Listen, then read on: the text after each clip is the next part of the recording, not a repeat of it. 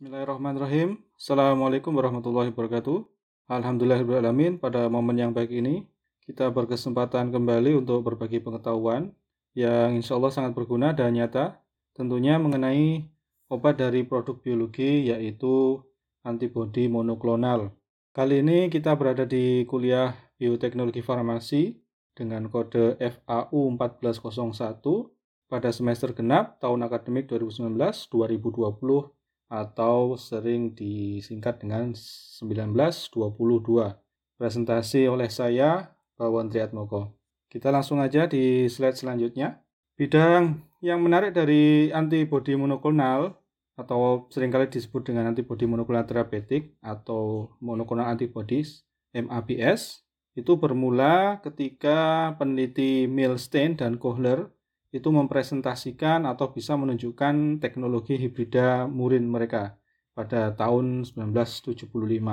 Nah, teknologi ini menyediakan metode yang dapat diulang atau reproducible untuk memproduksi antibodi monoklonal dengan selektivitas target yang khas dalam jumlah yang hampir tidak terbatas, unlimited. Karena itu kemudian pada tahun 1985, maaf 1984, kedua ilmuwan tersebut menerima hadiah Nobel untuk terobosan ilmiah mereka dan pekerjaan mereka kemudian dipandang sebagai tonggak utama dalam sejarah MABS sebagai bahan terapi dan aplikasi lainnya. Butuh beberapa waktu sehingga antibodi monoklonal terapeutik itu pertama bisa mendapat izin pasar dari FDA atau Food and Drug Administration, Badan POM Amerika Serikat pada tahun 1986. Sehingga antibodi monoklonal sekarang bisa menjadi standar perawatan di beberapa area penyakit. Secara khusus di bidang onkologi, transplantasi, dan penyakit radang, pasien-pasien yang lain itu bisa kemudian memiliki alternatif pengobatan yang berdampak untuk penyakit yang biasanya memiliki pilihan perawatan medis yang sangat terbatas atau tidak ada sebelum munculnya MABS. Kemudian sampai saat ini itu ada lebih dari sekitar 30 antibodi monoklonal dan turunannya termasuk dalam hal ini adalah protein fusi atau fragmen antibodi monoklonal yang tersedia untuk berbagai terapi. Ada 8 antibodi monoklonal, 3 imunokonjugat di untuk onkologi, 11 antibodi monoklonal, satu konjugasi FAB, 4 protein fusi untuk peradangan, 3 antibodi monoklonal dan satu protein fusi FC di transplantasi itu gambaran eh, semuanya tadi itu menyusun atau bagian dari eh, mayoritas terapi yang telah disetujui. Antibodi monoklonal umumnya adalah obat yang sangat aman karena selektivitas target mereka sehingga menghindari paparan yang tidak perlu dan aktivitas yang dapat berdampak di organ yang tidak ditargetkan. Jadi ini selektif. Penggunaannya seperti yang dijelaskan tadi terutama ada dalam bidang onkologi di mana antibodi monoklonal misalkan seperti rituximab, trastuzumab, bevacizumab itu dapat menawarkan tingkat kemajuan kemanjuran atau rasio keamanan yang lebih baik dibandingkan dengan regimen pengobatan kemoterapi yang umum, terutama untuk beberapa tumor eh, hematologis atau solid tumor. Lebih jauh lagi, kemudian kemampuan untuk secara selektif menargetkan molekul-molekul yang berhubungan dengan penyakit ini menghasilkan bidang ilmiah baru dari obat-obatan yang bertarget molekuler, di mana pengembangan antibodi monoklonal baru mungkin itu bisa berkontribusi secara substansial dalam menerapkan standar baru untuk penelitian obat yang sukses termasuk juga pengembangannya. Beranjak dari situ kemudian muncul istilah kedokteran translasional atau biasanya kita lihat translational medicine ini yang dikembangkan yang mencakup pemahaman aspek fisiologis, biologis, patologis dan kemudian menggunakan pengetahuan ini untuk menemukan opsi intervensi untuk mengobati suatu penyakit. Nah, di dalam proses ini eh, biasanya biomarker, misalkan eh, gen penanda dari ekspresi genetik atau dari ekspresi protein target protein dan pencitraan molekuler itu digunakan untuk mendapatkan pemahaman terbaik dari aktivitas biologis obat dalam arti kualitatif dan kuantitatif juga hingga masuk ke ranah farmakokinetik maupun farmakodinamik. Penerapan metode-metode ilmiah ini bersama-sama dengan prinsip kedokteran molekuler atau bertarget molekuler dikombinasikan dengan farmakokinetik yang menguntungkan dan keamanan antibodi molekunal ini dapat menjelaskan sebagian sebagian itu dapat menjelaskan mengapa produk-produk yang diturunkan secara bioteknologi atau produk-produk biologis itu memiliki tingkat keberhasilan jauh lebih tinggi untuk bisa menjadi terapi yang dipasarkan dibandingkan dengan obat dari molekul kecil yang diturunkan secara kimiawi. E, obat molekul kecil ini maksudnya biasanya obat-obat yang e, dari sintesis, dari secara secara kimiawi, dari tumbuhan dan sebagainya, dari natural product. Nah, antibodi dalam hal ini adalah imunoglobulin, adalah molekul-molekul yang berbentuk Y kasar gitu atau kombinasi dari molekul-molekul semacam itu. Nah, di sini ada lima kelas utama imunoglobulin. Ada imunoglobulin G, ada imunoglobulin G, ada ada imunoglobulin A, imunoglobulin D, E, dan imunoglobulin M. Nanti di tabel selanjutnya itu kita bisa memperhatikan perbedaan-perbedaannya. Nah, di antara kelas-kelas tersebut imunoglobulin G dan turunannya, jadi imunoglobulin G termasuk turunannya itu membentuk kerangka dasar untuk pengembangan antibodi terapeutik. Imunoglobulin G sendiri itu bisa dibagi menjadi empat subkelas yaitu imunoglobulin G1, G2, G3, dan G4. Dari tabel nanti juga kita bisa melihat perbedaannya. Ini secara umum tampak perbedaan dari berbagai imunoglobulin. Imunoglobulin imunoglobulin ini itu bisa dilihat perbedaan utamanya dari bentuk molekulernya. Dari bentuk molekulernya itu kalau imunoglobulin A itu bisa monomer dimer. Kalau mau kalau imunoglobulin G itu bentuknya monomer, imunoglobulin M itu pentamer atau heksamer, imunoglobulin D monomer, imunoglobulin E itu adalah monomer. Nah, eh, hal-hal yang penting lainnya yang mungkin perlu diperhatikan itu adalah eh, yang mungkin ini menjadi salah satu pilihan utama kenapa nanti kita pahami imunoglobulin G itu banyak digunakan eh, tadi disebut sebagai kerangka dasar untuk pengembangan antibodi terapeutik itu mungkin karena faktor ini.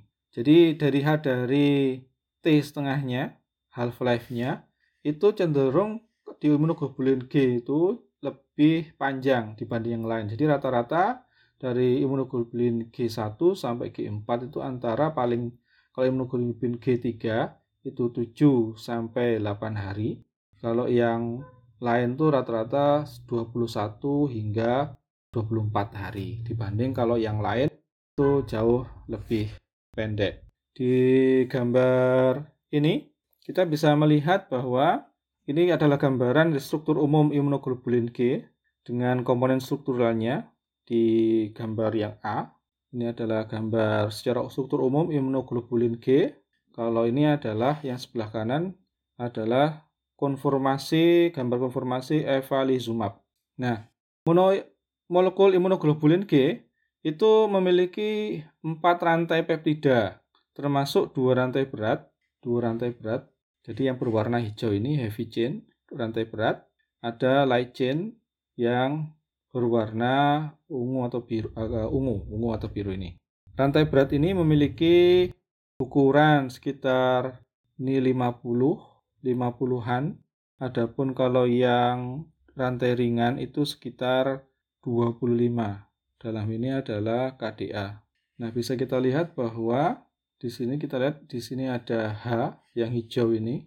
Jadi dua rantai berat.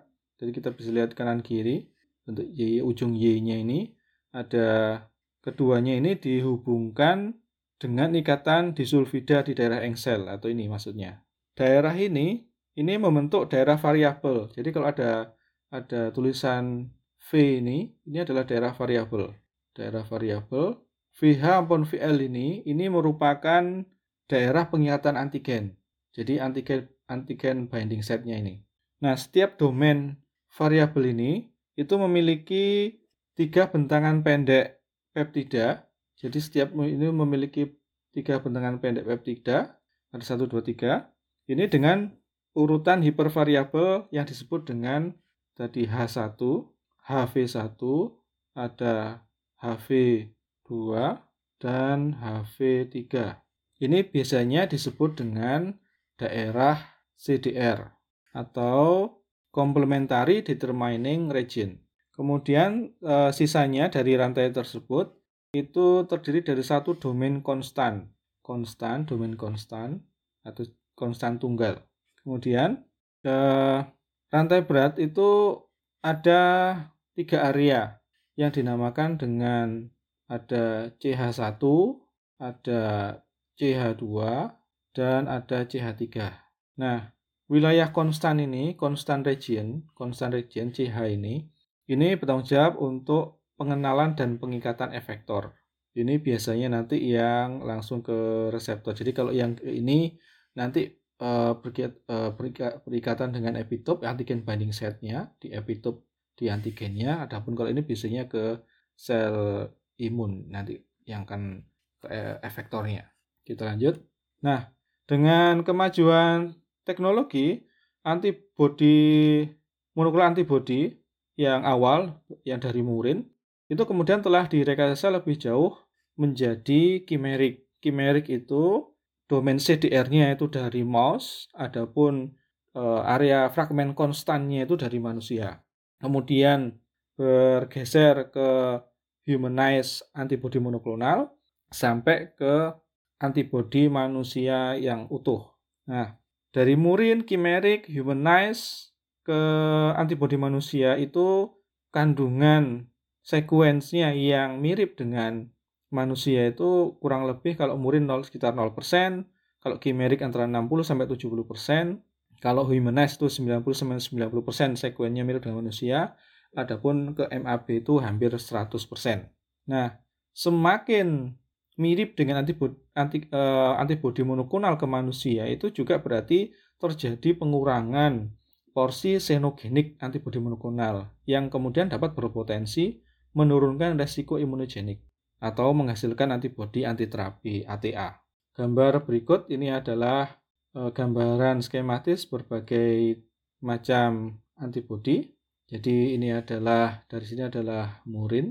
Jadi ini kemiripan dengan manusia adalah 0%. Di sini kalau kemiripan dengan sekuens antibodi molekuler manusia itu dari yang berwarna hitam. Jadi kimerik ini daerah eh, CDR-nya masih ke dekat dengan murin.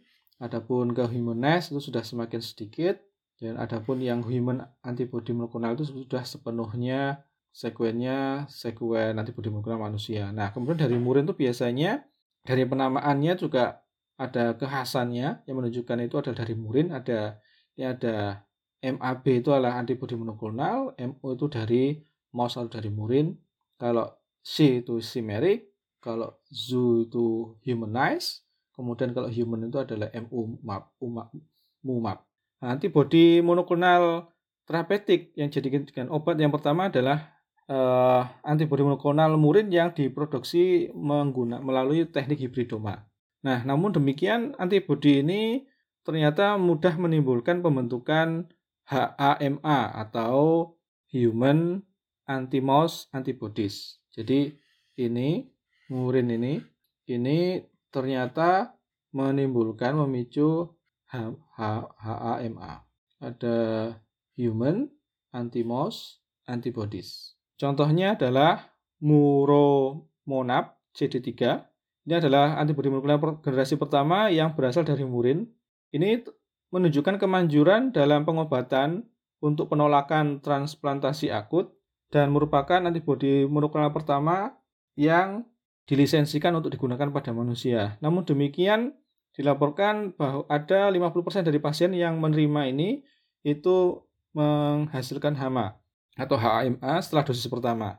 Nah, masalahnya adalah eh, HAMA ini akan mengganggu pengikatan antibodi nuklonal itu ke sel T. Jadi ini akan eh, mengganggu pengikatan dari antibodi monoklonalnya UKT 3-nya itu ke sel T-nya. Sehingga dapat mengurangi kemanjuran dari terapinya tersebut. Nah, berangkat dari situ kemudian hingga kini juga kemudian dikembangkan eh, teknik cloning molekuler atau ekspresi gen untuk merekayasa pembentukan antibodi yang lebih dekat ke human atau ke sequence manusia. Tadi generasi pertama, nah kemudian di generasi kedua yaitu antibodi monoklonal kimerik, yaitu terdiri dari darah konstannya manusia. Jadi tadi itu adalah kimerik, di sini adalah konstannya itu adalah mas human, adapun eh, CDR-nya tadi itu adalah dari MOS atau uh, dari murid. Nah, spesifitas antigen antibodi molekulal kimerik ini sama dengan antibodi tikus karena ini kan yang eh, CDR ini kan nanti fragmen terkait dengan antigen binding setnya. Nah, adapun adanya fragmen konstan dari manusia ini ini untuk bisa menghasilkan shelf life-nya, half life-nya, sorry, Nanti ini ada untuk meningkatkan half life-nya. Nah, hingga saat ini kita ada kurang lebih 5 antibodi kimerik atau fragmen di pasaran. Namun demikian, ini juga masih e, memberikan masalah karena seperti tadi, namun ini disilahkan dengan H menimbulkan HACA, yaitu e, human anti-chimeric antibodies. Kemudian ada lebih meningkat lagi di humanized antigen monoklonal. Humanase antibodi monoklonal ini mengandung bagian penting dari sekuens manusia, kecuali CDR yang masih ada berasal dari murin. Ini ada sekitar ada 11 antibodi monoklonal terapeutik yang ada di pasaran. Jadi tadi e, untuk yang apa namanya humanase itu tadi biasanya ada e, zoo-nya, zoomap-nya. Contohnya nanti kalau ada zoomap zoomap. Nah, tingkat kejadian antibodi yang menghambat itu sangat menurun hingga kemudian eh, dikembangkan cara sehingga bisa mencapai biokompatibilitas sepenuhnya antara lain dengan mengembangkan eh, pendekatan menggunakan fag display. Fag display ini bisa menggunakan eh, bakteriofag menggunakan virus dalam rangka untuk eh, rekayasa genetiknya atau menggunakan eh, langsung MOS transgenic. Contoh dari fag display yang diproduksi pertama adalah ada limumab.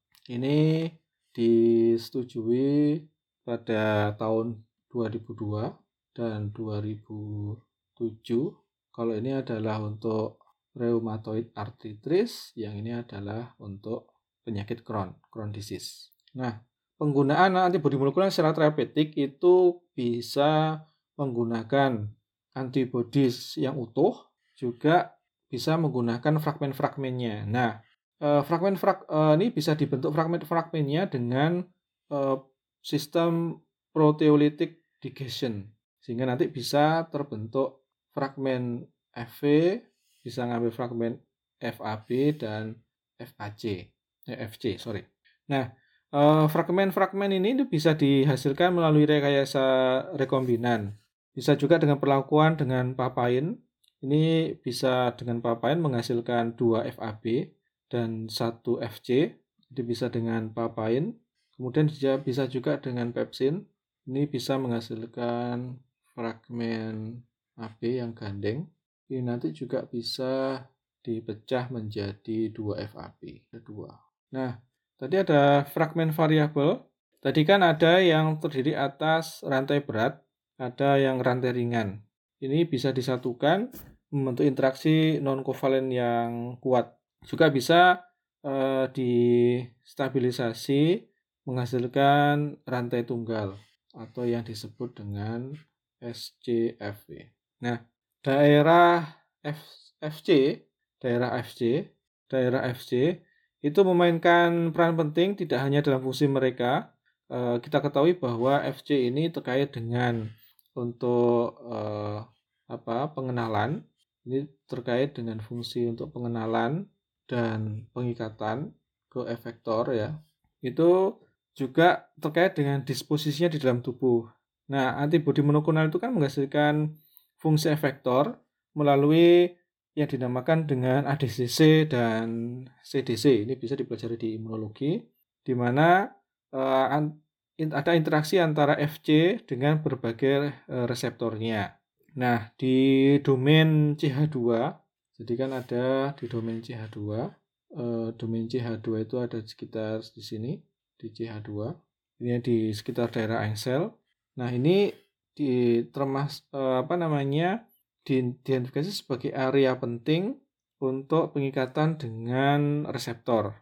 Yang reseptor eh, di efektor ini reseptornya disebut dengan FCR. Nah, antibodi monoklonal yang direkasa dengan peningkatan atau penurunan aktivitas ADCC tadi, ADCC dan CDC ini telah dihasilkan dapat dihasilkan melalui manipulasi wilayah FC kritis. Jadi wilayah FC-nya. Jadi ada hubungan antara eh, keberadaan FC dengan naik turunnya ADCC dan CDC sehingga dengan eh, mengutak-atik daerah FC ini kita bisa memanipulasi eh, ADCC dan CDC. Di temuan lain ini antibodi yang uh, ada perkaisan di sisi FC-nya ini uh, diduga memiliki bisa untuk meningkatkan kemanjuran terapeutik. Jadi tidak uh, hanya sekedar dianggap terkait dengan pengenalan atau pengikatan dengan efektor. Nah, selain itu, bagian dari FC dari MFP juga uh, berkaitan dengan reseptor FC. Jadi ada reseptor FC, sorry tadi sebut reseptor SC. Ada reseptor FC ini disebut dengan FcRn reseptor. Nah, antibodi molekulnya direkasa dengan afinitas pengikatan ini, ini menurun atau eh, yang menurun atau meningkat ini bisa memodifikasi farmakokinetik atau gambaran farmakokinetik eh, antibodi monoklonal. Jadi apa namanya? Ini diduga dapat memodifikasi eh, farmakokinetiknya dari antibodi monoklonal. Dari berbagai fragmen-fragmen tadi secara struktur bisa dilihat berikut. Jadi ini gambaran ada derivat antibodi antara misalkan FAB2, ada FAB atau juga bisa ada antibodi drug conjugate dan juga uh, fusi protein. Penjelasannya lebih lanjut. Nah, uh, fragmen antibodi ini memiliki waktu paruh yang lebih pendek dibandingkan dengan antibodi yang berukuran penuh Eh, beberapa fragmen seperti yang disebut sebelumnya itu bisa dihubungkan. Misalkan ada e, dua dua diabodis itu dapat dihubungkan kemudian menghasilkan tandem. Misalkan misalkan contohnya adalah tandem bispesifik ini. Jadi gabungan antara ini. Kemudian e, perlu diketahui juga waktu paruh FC itu kan mirip dengan imunoglobulin G yang utuh atau boleh dikatakan bahwa e, antibodi itu waktu paruhnya ber, banyak bergant, e, di di perantara apa namanya kontributornya adalah e, FC yang banyak menentukan. Nah, dengan demikian ini bisa dikembangkan e, FC dari imunoglobulin G itu dapat digunakan untuk membentuk e, fusi dengan molekul seperti sitokin, enzim faktor pertumbuhan atau daerah pengikatan ligan dari molekul reseptor atau adesi untuk meningkat waktu paruh dan stabilitasnya. Jadi FC ini di, eh, dimanfaatkan untuk meningkatkan waktu paruhnya. Nah, antibodi dan fragmen antibodi itu juga dapat dihubungkan secara kovalen, misalkan dengan eh, radionuklida sitotoksik atau obat-obatan, sehingga ini bisa membentuk eh, agen radioimunoterapi atau juga bisa digunakan untuk membuat-buat konjugat antibodi. Nah, dalam hal ini eh, antibodi di sini eh, digunakan sebagai untuk delivery atau untuk pengiriman. Sehingga diharapkan nanti eh, karena antibodi deliverynya sifatnya spesifik jadi bisa ke organ target. Jadi ini pengirimannya nanti akan selektif. efek farmakologis uh, selanjutnya efek farmakologis dari antibodi uh, itu bagaimana bekerjanya. Nah, efek farmakologis dari antibodi itu uh, dimulai dengan interaksi spesifik antara antibodi dan antigen. Jadi kita tahu kita biasanya memahami adanya interaksi ligan dan reseptor atau juga bisa dikatakan ada reaksi antara antigen antibodi. Nah, antibodi molekulal itu umumnya adalah menunjukkan spesifitas yang sangat baik uh, untuk uh, antigen target. Nah, kemudian ada situs atau tempat pengikatan pada antigen yang disebut dengan epitop. Jadi uh, di epitop sini atau antigen tempat pengikatannya ini bisa cara linear, bisa linear atau konformasi. Nah, kemudian ini sequence sekuen asam aminnya bisa continue atau discontinue. Nah, Penting diketahui bahwa epitop ini adalah penentu utama dari fungsi modulasi antibodi dan bergantung kepada epitopnya, ini antibodi sendiri dapat menimbulkan efek antagonis atau agonis atau juga mungkin tidak termodulasi. Adanya epitop ini juga dapat mempengaruhi kemampuan antibodi untuk menginduksi ADCC atau CDC.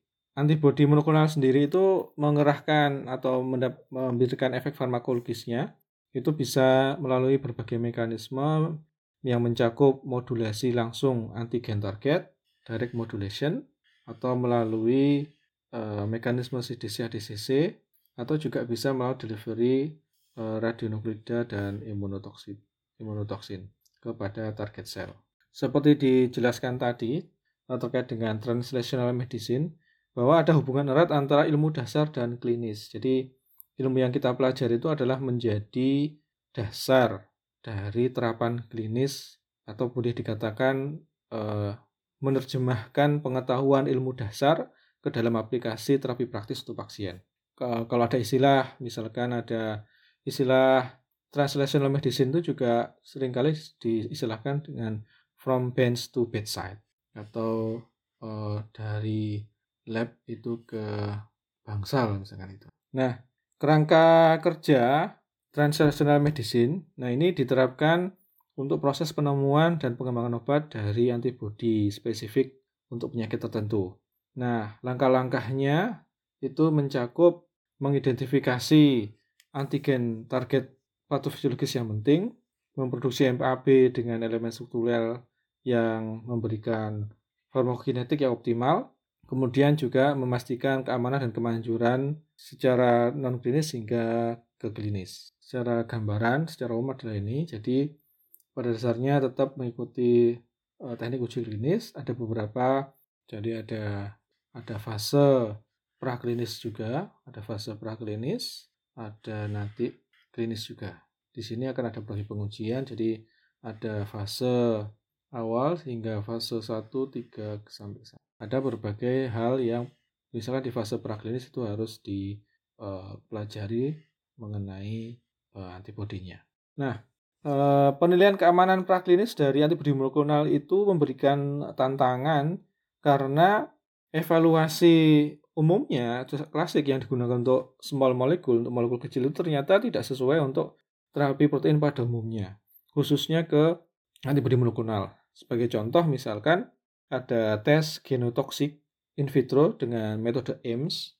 Jadi kalau ada bisa ada metode IMS, ini tidak bisa dilakukan karena terbatas dengan bahan nuklear inti atau ada juga kurangnya reseptor target ekspresi yang tepat di dalam metode ini. E, hal yang lain karena pengingatan antibodi monoklonal itu cenderung bersifat sangat spesifik spesies, kemudian juga model hewan yang cocok e, terbatas pada primata, e, sehingga penggunaan uh, uji misalkan karsinogenesis untuk hewan pengerat dan hal yang penguji keamanan yang lain itu tidak cocok untuk menguji kandidat terapi antibodi monoklonal. Nah, untuk mengatasi ini salah satunya eh, kita bisa mengikuti pedoman khusus untuk evaluasi praktis obat-obatan yang diturunkan dari produk biologis berdasarkan standar dari International Conference of Harmonization atau ICH. Untuk Eh, melakukan studi keselamatan secara umum, eh, pemilihan spesies itu perlu dipertimbangkan karena kespesifikan eh, spesiesnya tersebut. sehingga harus dilihat berdasarkan lebih detail ke ekspresi epitop target yang tepat, adanya afinitas pengikatan yang sesuai dari kandida terapeutik, dan aktivitas biologis yang sesuai dengan sistem uji. Nah, kemudian untuk menginterpretasikan secara memadai dari hasil studi non klinis itu penting untuk mengkarakterisasi respon antibodi antiterapeutik atau ATA ini. Karena e, ATA ini dapat mempengaruhi aktivitas obat dengan berbagai cara. E, permasalahannya ini nanti dapat menghambat pengikatan langsung ke epitop target. Ini terkait dengan itu. Kemudian terkait dengan farmakokinetik, adanya program farmakokinetik, jadi maksudnya PK ini adalah farmakokinetik, ini adalah PK, farmakokinetik. Di fase awal itu e, dapat menyediakan informasi antara kaitan antara penemuan obat dan e, nanti pengembangan praklinisnya. Nanti dari PK ini bisa diprediksikan farmakodinamiknya dengan biasa bisa menggunakan dengan pemodelan yang memungkinkan mengkarakterisasi perjalanan waktu dari intensitas efek yang dihasilkan dari regimen dosis tertentu. Jadi menghubungkan antara dosis dengan uh, efeknya. Dan penting juga diketahui bahwa uh, antibodi itu sering menunjukkan sifat farmakokinetik yang jauh lebih kompleks dari yang biasanya dibanding dengan obat molekul kecil. Jadi punya kekhasan karakteristik yang berbeda. Di tabel selanjutnya itu akan ada uh, perbedaan farmakokinetik antara obat molekul kecil dan obat terapeutik yang secara uh, farmakokinetiknya. Jadi di sini ada yang small molecules, ini ada antibody monoklonal. Kalau dilihat misalkan dari profilnya, ini biasanya eh, biasanya farmakokinetiknya adalah linear. Ini kalau yang antibody monoklonal itu bisa linear, bisa non linear. Biasanya bergantung. Kalau misalkan umumnya adalah kalau targetnya adalah soluble antigen, itu akan cenderungnya akan linear. Jadi eh, terkait dengan uh, lipofilitas atau hidrofilisitasnya. Nah, biasanya untuk bermolekulal juga dosingnya itu ada biasanya adalah parenteral. Kalau yang antibodi, kalau yang molekul itu umumnya adalah oral. Metabolismenya sendiri dipengaruhi oleh sitokrom P450 atau other uh, enzim yang lain. Kalau ini biasanya adalah dengan non-specific clearance mechanism, bukan uh, B450. Ini juga bukan B450. Jadi itu salah satu perbedaannya. Jadi uh, antibodi molekulal tadi kan ditangani secara, oleh tubuh secara sangat berbeda dari molekul kecil ini. Nah, biasanya terkait dengan metabolisme itu ada protein transporter sitokrom P45 pompa efflux itu ternyata tidak terlibat atau tidak terkait dengan disposisi MAB. Jadi B450 atau mekanisme efflux itu tidak terkait dengan MAB. Oleh karena itu, eh, adanya interaksi obat-obat pada tingkat enzim ini merupakan bukan merupakan faktor yang banyak mempengaruhi di dalam MAB dan biasanya ini akhirnya eh, tidak perlu dilakukan kajian terhadap ini karena eh, sifat tersebut. Seperti yang dijelaskan tadi, ya sebagian besar antibodi monoklonal itu tidak diberikan secara oral karena ini terkait dengan stabilitasnya di gastrointestinal protein terkait dengan lipofilitas lipofilisitasnya atau adanya proteolitik permeasinya tembus daya tembusnya juga rendah. Nah, oleh karena itu biasanya pemberian secara intravena ini masih merupakan rute yang paling sering digunakan. Jadi untuk pengiriman sistemik eh, secara segera dan menyeluruh. Antibodi yang kemudian mencapai darah ini kemudian biasanya menjalani eliminasi bifasik dari serum dimulai dengan fase distribusi cepat. Volume distribusi kompartemen distribusi cepat relatif kecil itu mendekati volume plasma. Kalau berdasarkan laporan itu volume kompartemen pusat VC sekitar 2 sampai 3 liter saja. Uh, volume distribusi tunak atau steady state itu 3,5 sampai 7 liter untuk antibodi pada manusia. Nah, adanya VC dan VSS yang steady state ini atau tunak kondisi tunak ini ini sesuai dengan sifat hidrofilisitas dan karena molekulnya yang besar karena ini kan protein jadi molekulnya besar ada karena ada tempat yang hidro, uh, hidrofilik dan MW-nya molecular weight-nya yang besar. Nah, volume distribusi yang kecil ini eh, konsisten dengan rasio jaringan terhadap darah yang relatif kecil. Itu berkisar antara 0,1 sampai 0,5. Kemudian clearance-nya eh, antibody itu terutama dibersihkan oleh katabolisme dan dipecah menjadi fragmen peptida dan asam amino, kemudian bisa didaur ulang digunakan sebagai pasukan energi atau, atau untuk sintesis protein baru. Nah, kemudian eh, adanya berat molekul kecil dari fragmen antibody, misalkan FAP, FVB, eliminasi fragmen ini akan jauh lebih cepat dari jika bentuknya imunoglobulin G yang utuh. Nah, kemudian mereka ini bisa disaring melalui glomerulus, glomerus, atau diserap kembali atau di metabolisme melalui sel tubular proksimal dari nefron. Eliminasi dari antibodi molekuler juga dapat dipengaruhi adanya interaksi dengan antigen atau rikat sel dan ini bisa ditunjukkan oleh adanya pembersihan yang bergantung pada dosis dan waktu paruh. Pada dosis rendah, antibodi monoklonal menunjukkan waktu yang waktu paruh yang lebih pendek dan pembersihan lebih cepat karena eliminasi yang dimediasi reseptor. Dengan meningkatnya dosis, ini reseptor bisa menjadi jenuh, waktu paruh secara bertahap meningkat ke konstan, dan kemudian clearance berangsur-angsur berkurang menjadi konstan. Selain uh, reseptor tadi, FcRn atau melalui antigen antibody interaksi antigen antibody, ya, hal-hal yang bisa berkontribusi terhadap eliminasi MAB ya, itu adalah imogenisitas antibody, kemudian derajat atau sifat glikosilasi, ada kerentanan terhadap proteolisis atau karena efektor, adanya konkomitan, dan faktor-faktor yang lain seperti berat badan, usia, eh, kondisi penyakit, dan faktor yang lain.